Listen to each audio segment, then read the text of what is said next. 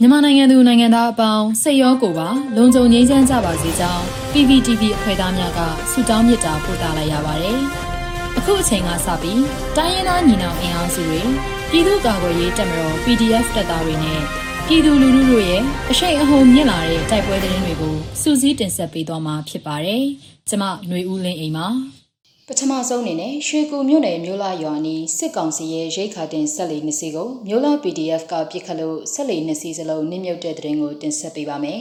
။ကချင်ပြည်နယ်ရွှေကူမြို့နယ်အုတ်ချီရွာဘက်မှမြို့လာရွာဘက်ကို AR မြကြောင်းတိုင်းဆန်တက်လာတဲ့အချမ်းဖတ်စစ်ကောင်စီရဲ့ရိတ်ခါတင်ဆက်လီနှစ်စီးကိုယနေ့ဧပြီလနနက်7:00နာရီခန့်မှာမြို့လာ PDF ကပြစ်ခတ်တိုက်ခိုက်လို့ဆက်လီနှစ်စီးစလုံးနစ်မြုပ်သွားကြောင်းသတင်းရရှိပါရယ်။ ဗိုလ်မှူးချုပ်ဦးဆောင်တဲ့မြို့လာ PDF မှာကောက်ကွေချောင်းတနေရာကစောင့်ကြိုပစ်ခတ်တိုက်ခိုက်ခဲ့ကြောင်း H22mm လက်လုံရှိထွန်မိုင်း9လုံးရင်းမြုံမိုင်းတစ်လုံးနဲ့ပစ်ခတ်ဖောက်ခွဲခဲ့ပြီးစကားဆရိတ်ခါတင်ဆက်လီနှစ်စီနေရာမှာပဲလုံးဝနစ်မြုပ်သွားခဲ့ကောင်ဆက်လီပေါ်ပါစစ်သားများထိခိုက်ဒေဆုံးနိုင်ကြောင်းမြို့လာ PDF ကသတင်းထုတ်ပြန်ပါတယ်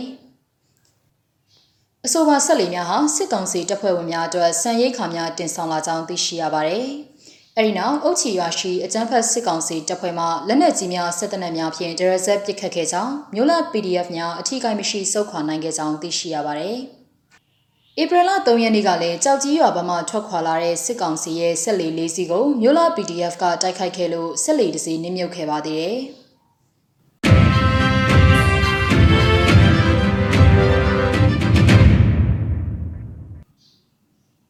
ဆက်လက်တင်ဆက်ပေးမှာကတော့မတူပီရင်စစ်ရင်နှန်းကို CDF မတူပီတိုက်ခိုက်မှုမှာစစ်သား9ဦးသေဆုံးပြီးအများအပြားဒဏ်ရာရတဲ့တဲ့တင်မှာ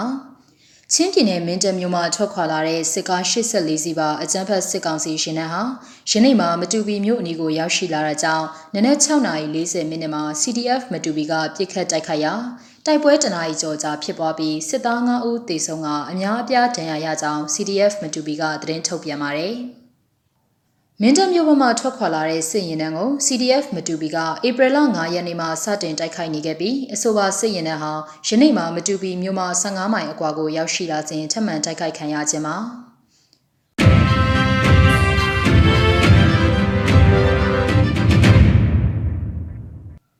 ဆက်လက်တင်ဆက်ပေးမှာကတော့ရေစကြိုမှာလဲစစ်ကားမိုင်းဆွဲခံရပြီးစစ်သား3ဦးပွဲချင်းပြီးတည်ဆုံတဲ့တဲ့မှာ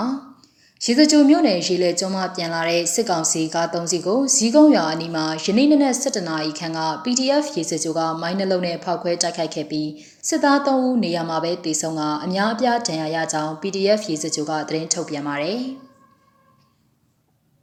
မိုင်းဆွဲခံရပြီးတဲ့နောက်စစ်ကောင်စီတပ်ဖွဲ့ဝင်များကရန်တမ်းပစ်ခတ်လို့ပြည်သူတအူးကြီးထိမှန်ဒဏ်ရာရကြောင်းသိရှိရပါတယ်။ အဆိုပါစစ်ကောင်စီတပ်ဖွဲ့ဟာယနေ့နေ့နဲ့အစောပိုင်းတနာရီခန့်မှာပကန်းငယ်ရွာအနီးမှာမိုင်းဆွဲခံခဲ့ရပြီးတေဆုံးထိခိုက်မှုရှိနိုင်ကြောင်း PDF ရေစကြိုထံမှသိရှိရပါတယ်။။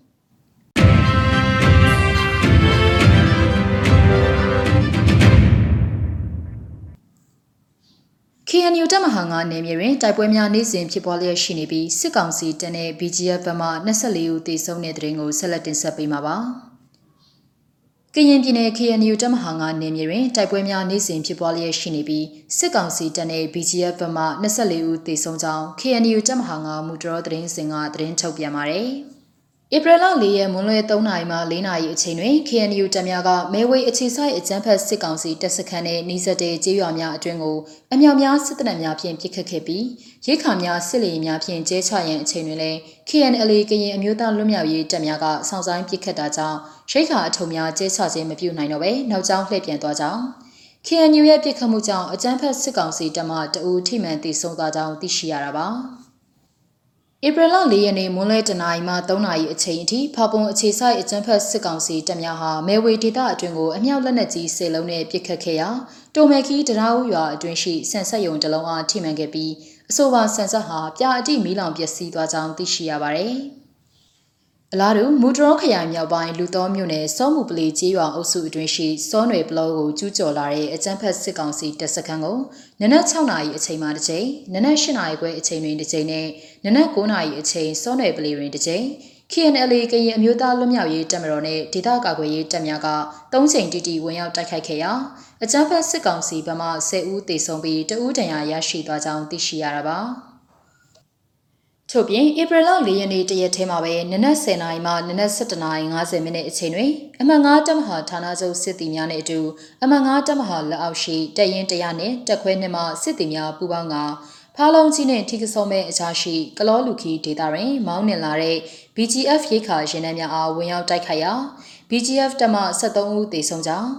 အဆိုပါတေဆုံးစီးရဲတွင် BGF တရင်မှုတအူတက်ခွဲမှုတအူတက်ချက်ကြီးတအူနဲ့တက်ချက်တအူပါဝင်ကြောင်းသိရှိရပါသည်။2022ခုနှစ်ဧပြီလ3ရက်နေ့နနက်6နာရီအချိန်မှာစောနယ်ဘလောအခြေဆိုင်အကြမ်းဖက်စစ်ကောင်စီတအားတစ်ကြိမ်နဲ့နနက်9နာရီအချိန်တွင်တစ်ကြိမ်စုစုပေါင်း2ကြိမ်ကရင်အမျိုးသားလွတ်မြောက်ရေးတပ်မတော်အမှတ်9တပ်မဟာလက်အောက်ရှိတရင်တက်ခွဲစစ်တီများဝင်ရောက်တိုက်ခိုက်မှုအတွင်အကြမ်းဖက်စစ်ကောင်စီတပ်သားများထိခိုက်ဒေဆုံးမှုများများရှိသည်ကိုတော့အတိမပြုနိုင်သေးပါဘူး။